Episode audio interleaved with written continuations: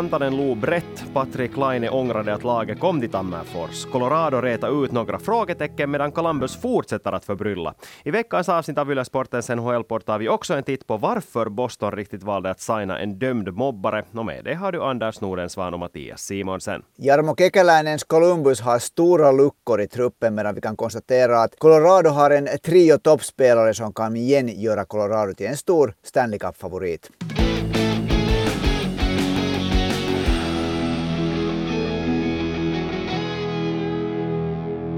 Ja, NHL har gjort sitt på finsk is för stunden. Colorado slog Columbus två gånger om i Tammerfors och det var ju en eh, ganska fin helg på många sätt, men inte för Columbus Blue Jackets. Men Anders, hur skulle du själv sammanfatta veckoslutet eller fredagen och lördagens matcher? Som du säger så det var ju liksom på många sätt tycker jag att det var, speciellt ur den finländska publikens synvinkel så var det det där en, tycker jag en ishockeyfest som nog det där bjöd på det var man kunde vänta sig. Också det att det bättre laget vann de båda matcherna.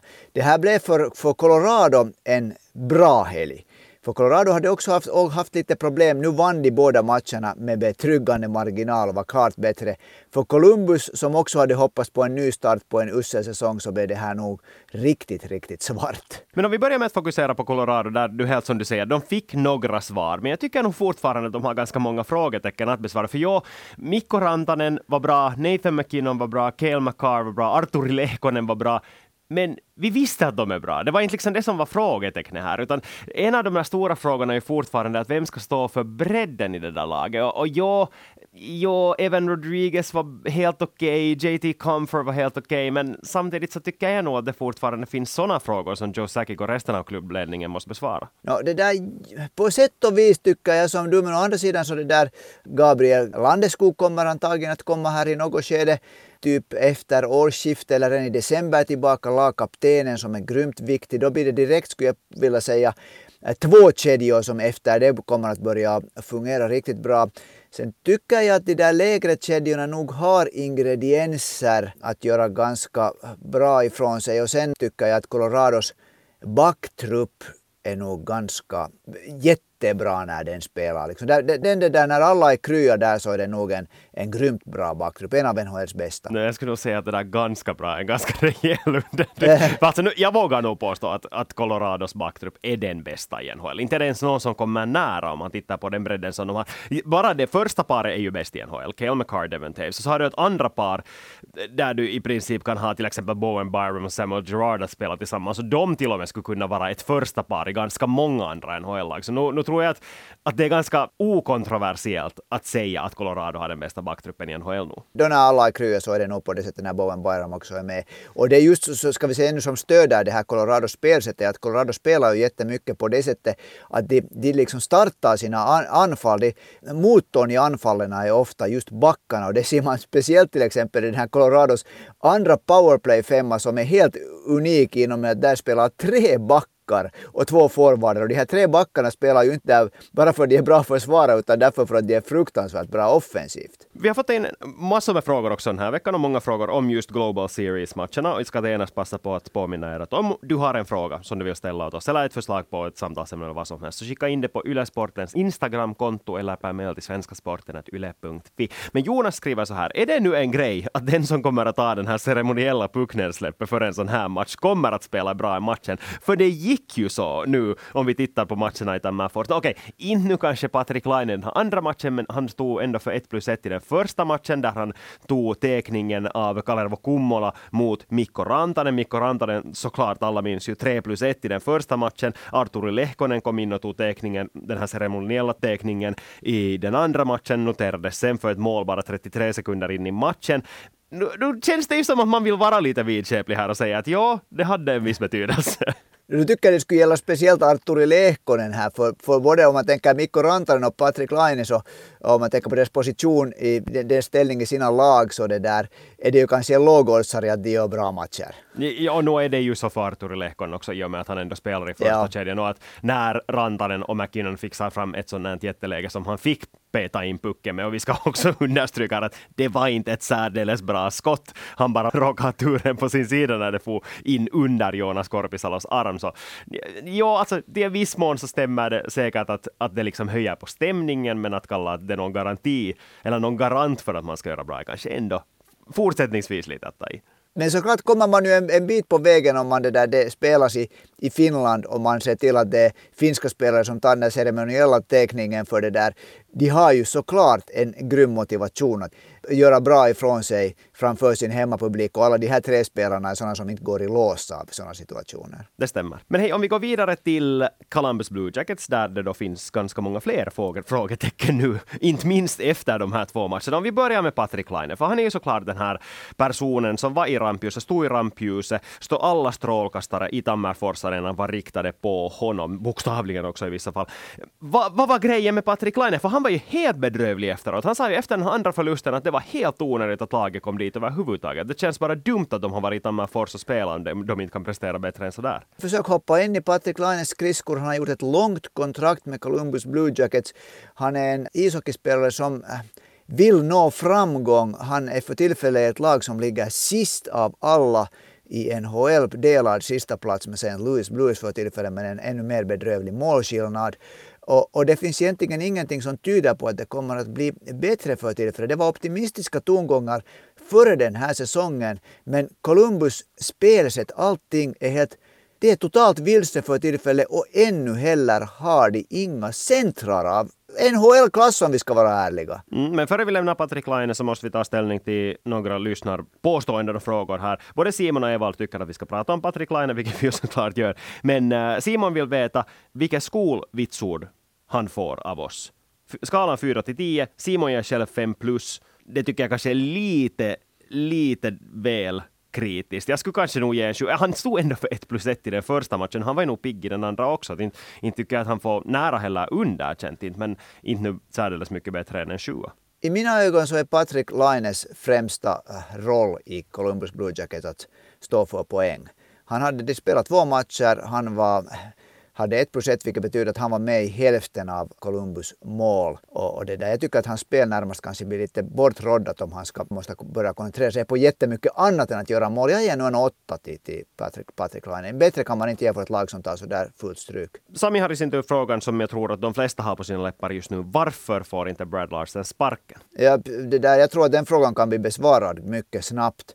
För att det där, eh, jag kan inte förstå om inte Jarmo, jag tycker att Jarmo Kekäläinen inte sköter sitt jobb om han inte nu gör en förändring. För nu har Brad Larsen, Larsen fått hålla på där nu i över en säsong och, och det ser om möjligt, det ser värre ut än det gjorde förra säsongen. Columbus har liksom ingen idé, de vet inte hurdant lag de är och om man inte kan sparka alla spelare så måste man börja någonstans. Tycker jag nog att det är Jarmo Kekäläinens jobb att nu byta coach. Annars är det nog ganska nära att Jarmo Kekäläinen snart. Det ska vi komma ihåg i Finland. Man berömmer honom så jättemycket. Men han har haft mycket länge på sig bland annat att skaffa ordentliga centrar till Columbus Blue Jackets och det har han inte ännu heller lyckats med. Nej, men samtidigt kan man nog argumentera för att det inte växer elitcentrar på träd. Det är svårt att hitta bra centrar och han hoppas ju att han har en till exempel i Cole Sillinger som fortfarande, vi snackar om en kille som gör sin andra NHL-säsong, att han har ju absolut tid att mogna ännu och ta, kanske stiga in i den där rollen som första center, vilket ju förhoppningen är för någon som man väljer så pass tidigt i, i den första omgången i draften. Men ja, alltså för hennes skull så måste han nog inse att Brad Larsen måste gå. För om han inte kickar Brad Larsen så då känns det nog som att Kekäläinen är den nästa som kommer att få sparken. Just det, han har varit där. Det, det är väl här visst elfte säsongen som han är general manager i Columbus, vilket verkligen är värt att lyfta på hatten för. En helt otrolig prestation av en finsk ishockeyledare. Men det där, nu är det nog, nu är det nog liksom kritiskt för Columbus spel har inte gått framåt och jag tycker att det inte heller finns riktigt någon liksom klar väg vart man är på väg för tillfället. Jag tror att det skulle behövas nu en coach som kan liksom göra deras spel strukturerat och verkligen analyserat vad kan vi göra och vad kan vi inte göra med den här truppen. Mm, men Kekäläinen har också jobbat att göra, inte bara genom att då förhoppningsvis ersätta tränaren, utan också det att hitta spelare till truppen. Och Rasmus undrar varför Columbus inte breddar backtruppen. Och det, det kan jag faktiskt hålla med om, för det tycker jag att är en av de här nyckelfrågorna. Just nu finns det en back som på regelbunden basis i det där laget kan föra pucken upp i anfall. Och han är skadad mest hela tiden. Då är det Adam Bokvist som jag talar om. Zach Werenski, jag tycker inte att han visar, framförallt i Tammerfors, att han ska ha sådana kvaliteter. Nej, men då är han ännu, han går ju ändå med statusen av att vara en elitback i NHL. Han ska ju kunna också, han är kanske inte en på det sättet den där äh, backen som är grymt, grymt offensiv. Men en verkligt bra allroundback ska han nog vara faktiskt. Som sagt, han ska nog höra till eliten där. Annars så vem kommer ihåg ens namnen på backarna i Columbus? Men sen måste man också minnas att de hade... Jag tänkte nu, nu måste jag säga att jag trodde att du skulle ha sagt det här. Men, ja, men jag tycker en gång och tänkte att nu får du börja med det. ja, de hade Mikko Lehtonen i truppen och valde att ge honom noll möjligheter ungefär att visa vad han går för. Nu är det, finns det sådana som argumenterar när vi talar om det här, fått feedback på att visst vi kan ju spela, spela i Columbus och det ser ju ut så när man tittar på att han spelar var det 17 matcher i Columbus. Men, men, men hur mycket han nu sen egentligen fick spela under John Tortorella så att han liksom på riktigt fick spela, inte bara åka ut på isen. Så jag tycker helt som det där att varför vill, tog man inte och såg det här kortet, kolla på det, att kan det vara så att när han har haft sån succé i Europa, kan det vara så att han möjligen skulle kunna vara en bra back också i NHL? Garanterat bättre med pucken till exempel än Erik Gudbrandsen. Nej, det, är just, det är just han som jag tycker är på något sätt så symptomatisk för det här problemet som Columbus Blue Jackets har just nu och som Jarmo Kekäläinen också ska ta på sig en viss del av skulden för. Det, är just det, det finns inte de där spelarna som ger dem möjligheten att spela med puck. Det finns inte helt enkelt. Alltså, Eric Goodbranson är inte den spelare som man tar in när man behöver backar som kan föra spelet. Det, så, så är det bara. De har backar som kan spela fysiskt. Alla deras backar kan nästan spela fysiskt. Men sen har du... Ah, jag vet inte, jag blir så uppgiven för deras skull, för det där finns inte. Och jag vet att Jake Bean är också en sån där som fansen tycker att ska vara en sån där som stiger fram. Men jag tycker inte att han har visat att han kan göra det. Nej, han såg bättre ut när han var i Carolina. Jag tyckte det såg ut som han var på rätt väg. Men nu det där försvann han är nog helt äh, i massan. Nej, det där som sagt, eh, jag tycker man inte kan, man inte kan nog understryka det. Att Columbus på något sätt ser ut som de skulle tro att de kan spela sån här puckförande hockey för tillfället. Men det kan de inte. De måste nog hitta sin profil, någon struktur, någonting som liksom är konsistent i deras spel. För för tillfället finns det ingenting. Vill vi såga Johnny Goodrow då? För det finns ju en orsak att göra det. Ja, alltså, jag tycker nog att om man nu ska jämföra Patrick Laine och Johnny Gaudreau så tycker jag att det där i Tammerfors och det där Johnny Gaudreau kom dit som en superstjärna, liksom helt total superstjärna, ett steg större ännu än Patrick Laine. Och nu tycker jag nog att det där Patrick Laine hade betydligt mera go i sitt spel än Johnny Gaudreau. Ja, men det ska samtidigt sägas också att Johnny Gaudreau hade otroliga mängder mål, chanser, att han hade lägen att sätta in pucken. Och det, det att man kommer till de där lägena, så det brukar ju båda gott. Och Johnny Goodrow är ju ändå mer känd som en spelfördelare än en avslutare. Ja, han gjorde 40 mål förra säsongen. Ja, han har gjort nästan ett mål varannan match. Eller han hade före Tammerfors-matchen hade han gjort ett mål varannan match. Så eh, jag skulle ändå inte kanske säga att han är mer kanske det här största offret av att den där strukturen saknas, men samtidigt för jag menar, om han skulle ha satt två av de där puckarna, av Just alla det. de där superlägena som han hade, då skulle vi ju inte kritisera honom här överhuvudtaget. Det var jättesmå marginaler sist och slutligen som det handlade om. Så jag, jag vill inte heller liksom vara sådär över, över kritisk, men nej, han kan nog mycket bättre. Nu skulle vi, alltså det som jag nog ändå skulle kanske kritisera honom fast han skulle ha satt ett par mål, eller kanske det är någonting som har att göra med, med att han inte, med det, men att han det där, det där hans dumma utvisningar som han tog på lördagen, i den matchen, är på fredagen ursäkta mig, i den matchen som det där eh, Columbus faktiskt hade alla chanser att vinna efter att de har spelat upp sig från 0-3 till 3-3. Det fanns det där momentum och det var, det var nog ganska mycket Johnny Gaudreau som förstörde just den stunden när de hade det där momentumet med att ta, ta grymt dumma utvisningar.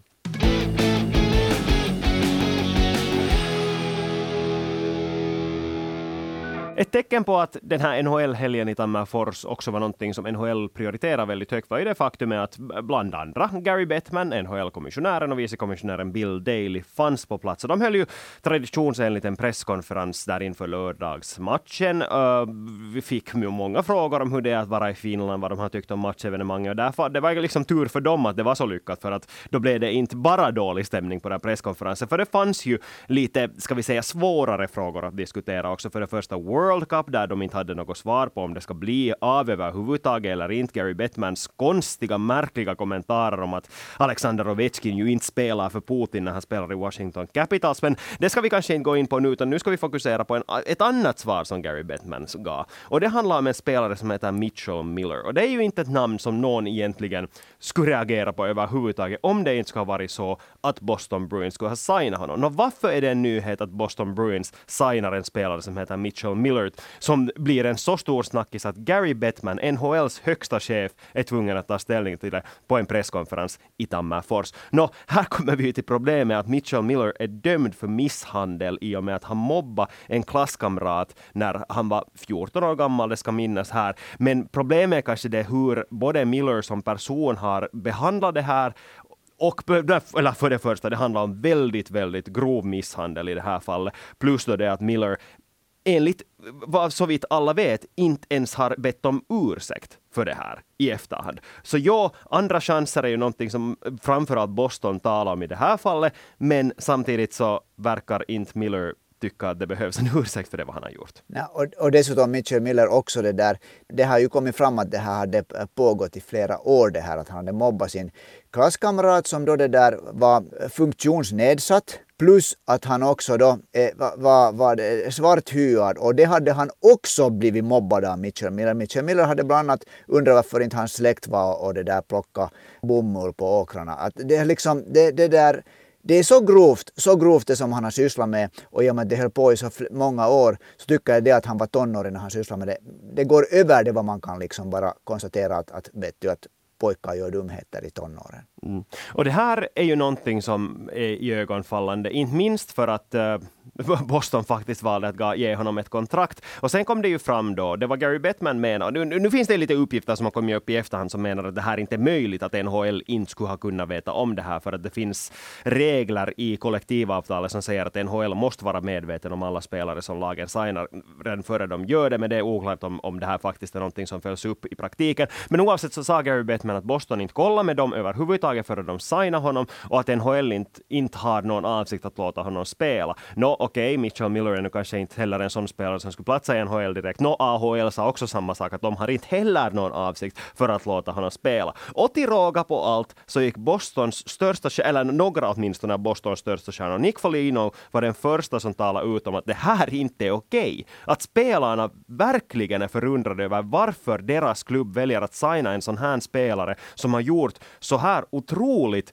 vulgära och hemska saker, att de inte kan stödja det överhuvudtaget. Och han nämnde att åtminstone Brad Marchand och uh, Patrice Bergeron också var hemskt mycket emot det här. Och efter det här så valde då Boston att pudla och säga att nej, vi kommer inte att fortsätta med den här killen, att vi ger honom sparken direkt. Ja, alltså, eh, nu är det ju en hemskt ful bild man får av det här liksom av den här attityden som finns då inom no, ishockeyn och proffs, kanske proffsidrotten över, överhuvudtaget. Det här liksom, på ett sätt så kommer de här mänskliga värdena nog fram först sen när någon på riktigt börjar att protestera. Annars så, så det, finns det nog en grymt stark vilja att, liksom, att bara koncentrera sig på det som händer liksom, i själva idrotten. Mm. Men just den här säsongen så är det ju det går ju omöjligt att komma förbi de här frågorna om allt det som har hänt utanför rinken. Allt börjar ju egentligen på sommaren och det här är ju inte sådär direkt, indirekt har det med NHL, NHL att göra, men inte direkt,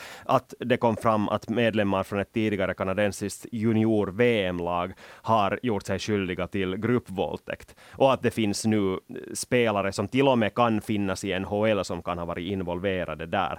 Och i och med liksom hela den härvan och alla som följer med i ishockey har ju säkert hört om det här, så vi behöver inte liksom det är så himla, himla komplicerat, allt det där som har hänt kring det kanadensiska ishockeyförbundet. De är ju, det är ju helt totalt kaos i det kanadensiska ishockeyförbundet just nu, kan vi väl sammanfatta det som. att det, det är ett förbund som håller på att jag vet inte vad man ens ska kalla det, håller på att gå i graven kan man väl säga. De, de måste bygga upp hela organisationen från noll. Det har visat sig att de har använt medlemsavgifter för att betala för offers tystnad, för det här är någonting som har hänt så otroligt ofta. Det är ju fullständigt sjukt att det kan finnas ett sådant system i plats. Men sen har det också hänt i NHL. Vi hade en spelare, den tidigare i bland annat Carolina Hurricanes och Pittsburgh Penguins, Ian Cole, nu för tiden i Tampa Bay Lightning, som blev anklagad för, för våldtäkt. NHL kunde inte styrka de här anklagelserna, så han blev är inte heller avstängd. Han finns fortfarande i ligan och det finns vissa som ifrågasätter lite om hur mycket jobb NHL egentligen gjorde för att gräva upp info om det här fallet. No, men han är fortfarande där. Men poängen är ändå det att det har varit otroligt mycket snack om sånt här den senaste tiden därför tycker jag åtminstone att det här att framförallt det att de här Boston Bruins andra, de här spelarna, de andra spelarna i det här laget, dit Mitchell Miller signades, att de vågar tala ut så här öppet och så, i så här så här starka ordalag som det gjorde. Så det tycker jag ändå att tyder på att det finns en kulturförändring som är på gång inom ishockeyn just nu och framförallt inom den bästa ligan i ishockey, i den nordamerikanska hockeykulturen som ju bevisligen har varit alldeles otroligt toxisk under så otroligt många årtionden. redan. Det känns åtminstone som att någonting är på gång just nu. Kan det ha en orsak att, att de här Patrice Bergeron generation det är en annan generation än de eh, gubbarna som sitter och beslutar. För nu var det ju helt tydligt att det inte hade funnits en dialog mellan eh, Boston-cheferna och de ledande spelarna, vilket jag tycker att är lite underligt. Att går ni med på att ta en sån här kille in i omklädningsrummet? Att kanske där har kommit en sån här att, att Cam Neely och de här som då sitter och leder Boston, så kanske de bara inte liksom jag vet inte, de kanske bara inte fattar hur, världen, hur världen är medan kanske Patrice Bergeron gör det. Alltså det kan ju vara att det har någonting med det att göra. För jag, med, jag skulle ändå säga att Patrice Bergeron ändå också hör till en sån generation som där man har vuxit upp med att det är ganska okej okay med att det är en sån där supergrabbig kultur i omklädningsrummet och att man skämtar om sådana mm. saker som inte skulle vara okej okay utanför det där omklädningsrummet. Vilket ju såklart fortfarande händer, men till en mycket, mycket större och mycket mer, mycket större utbredning förr i tiden. Och jag tror att han kanske ändå, i och med att det finns unga killar i laget som han umgås med varje dag. Och de kommer ifrån en kanske lite annorlunda kultur, eller bevisligen inte riktigt annorlunda i och med att det finns ganska färska fall av ganska, ganska eller inte ganska, väldigt grova övergrepp. Men ändå liksom att, att sådana spelare som fortfarande är i ligan tvingas anpassa sig till den här nya verkligheten där det inte är riktigt okej okay med vilket som helst beteende som helst. Just det här tror jag att det är en nyckelfråga. De här sådana här som Patrice Bergeron, uh, Nick Folino till exempel, de har egna barn.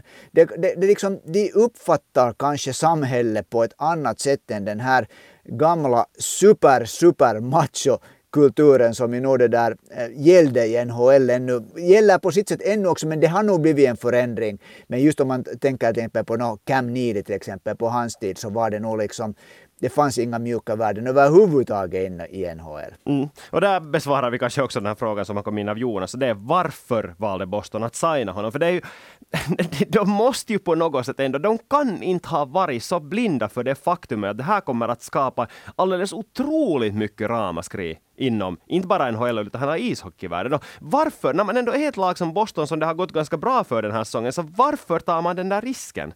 Det förstår jag inte. Jag har inget svar på den där frågan.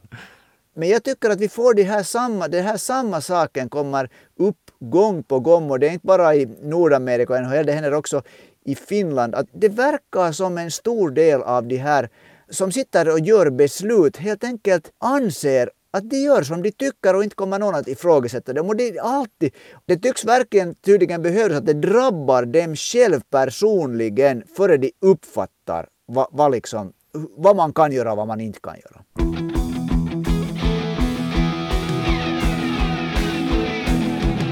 Om det finns ett namn, förutom Patrik Laine, som eh, ni ville att vi skulle snacka om den här veckan, så då är det Ville Husso. Sebastian skriver så här. Kan man slå fast att Detroit gjorde en succévärvning i Ville Husso? Han påstår åtminstone att, eh, att Husso är en orsak till att Detroit spelar så bra som de gör. Och han undrar också om St. Louis börjar ångra att de valde att satsa på Binnington. om vi börjar med att om Ville Husso är en succévärvning så det kan man verkligen säga. Han har spelat sju matcher, 94,1 procent i räddningsprocenten och genomsnittet han har sett 1,86 mål i snitt i Detroit. Han är fjärde i statistiken i NHL. Så han har verkligen varit en succé. Nu tycker jag ändå att det för tidigt om man ska välja mellan Binnington och Husso så tycker jag att det är svårt att säga nu redan att var det fel häst att välja. De måste välja någondera och Jordan Binnington hade tagit dem till Stanley Cup. Eh, ja, och jag skulle också tillägga där att de hade redan valt Binnington i det skedet som de gav förlängningen åt honom. För att nu ska vi komma ihåg faktum är det att Binnington hade färdigt ett dyrt kontrakt. Ville Husso skulle få ett ganska dyrt kontrakt nu i sommar. Det, det blev en omöjlig ekvation att ha dem båda och för att kunna signa Husso så behövde de först och främst träda bort Binnington och det är liksom det där extra steget som gör, ska vi säga, det blev kanske tungan på vågen om det ens någonsin var en 50-50 situation, för den kändes det ju annars också som att Craig Berube i slutspelet började lita mer och mer på Binnington igen. Men just det där i och med att kontraktsituationen såg ut som den gjorde så skulle det ha varit jättesvårt för St. Louis för det första att bli av med Binnington. Han spelade inte så bra som han fick lön för att spela, om vi säger så så det var hemskt få lag, antagligen, som skulle ha varit intresserade av Jordan Binnington.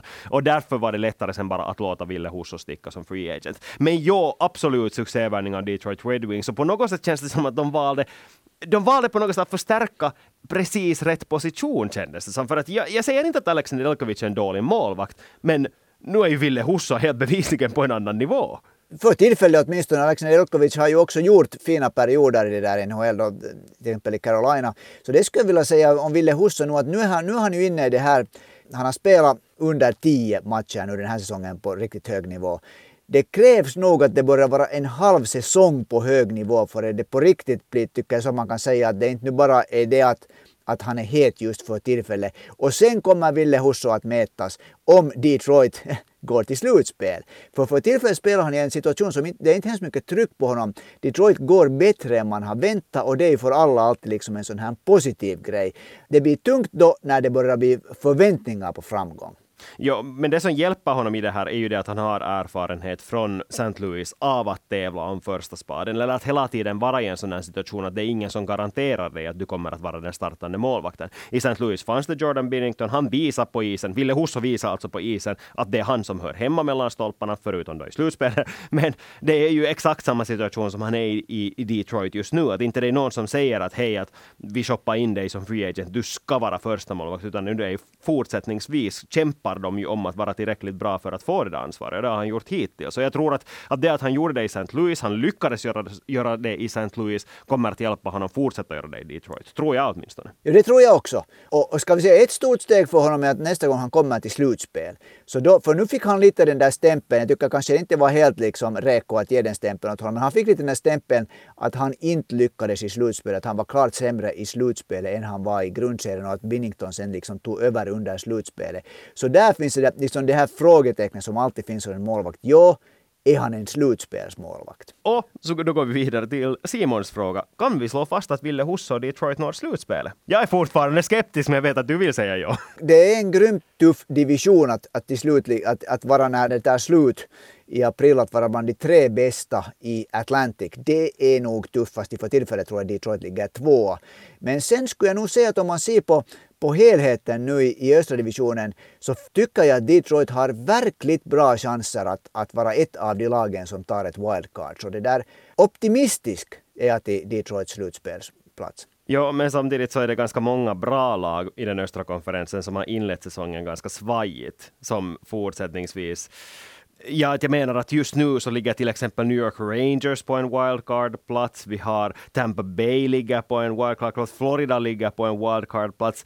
Det, det, finns så många lag nu som är bakom Detroit just nu i ställningen om vi tittar på hela östra konferensen som jag på något sätt är så fullständigt övertygad om att fortfarande kommer att ta sig förbi dem. Att ja, det kommer att bli en fight om wildcard-platserna och jag är fortfarande lite skeptisk till att Detroit skulle hålla hela vägen. Men jag låter mig bli positivt överraskad. Jag har ingenting emot att Detroit går till slutspel. Och på tal om målvakter och på tal om den östra konferensen så vet jag Anders att du skulle vilja prata om Toronto Maple Leafs. Ja, ja den absolut värsta mardrömmen har ju nu då konkretiseras för Toronto Maple Leafs, det vill säga att deras båda målvakter som är nya för den här säsongen, Matt Murray och Ilja Samsonov, båda nu är skadade. Matt Murray skadade sig nästan direkt, Ilja Samsonov har spelat riktigt bra, han skadade sig under weekenden och det betyder att för tillfället är Torontos spelande målvaktsduo Erik Källgren spelat 19 NHL-matcher så här långt i sin karriär, 18 matcher förresten i TPS i Åbo.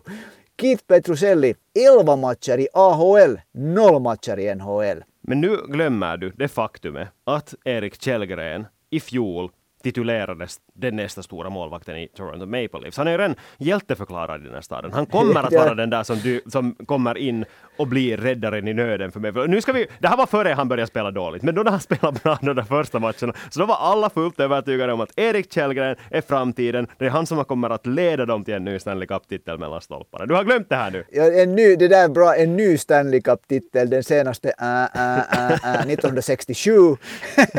det där, ja men det här är just det här, alltså fruktansvärt för de här stackars killarna som ska försöka stå där mellan stolparna är ju det här att när de gör en bra match så blir de direkt liksom förklarade som helgon och frälsare och det där men sen kommer det skit i nacken så fort det börjar gå dåligt. Och någonstans kan man ju tro att Harry Säteri nu sitter med telefonen med ljuden på hela tiden och väntar att skulle de månne ringa därifrån? Nej, men skämt åsido så finns det ju en annan, ett annat lejon i NHL nu som skulle kunna vara en sån målvakt som Toronto kanske borde fundera på att plocka in. Och då tänker jag på Detroit Red Wings och en tredje målvakt, eller om han ens är tredje målvakt, men Jussi Olkinuora. Men, men, men så är frågan att om man tänker på Toronto så är de ens medvetna om att Jussi Olkinuora existerar. No, man skulle ju kanske kunna tro att de har lite koll ens på AHL. Så, speciellt som de ju faktiskt försökte skaffa Harry Säteri förra våren. Och med detta har vi sätter punkt för det här avsnittet av Yle Sportens NHL-podd. Vi är tillbaka igen nästa tisdag. Hej och tack och ha det bra.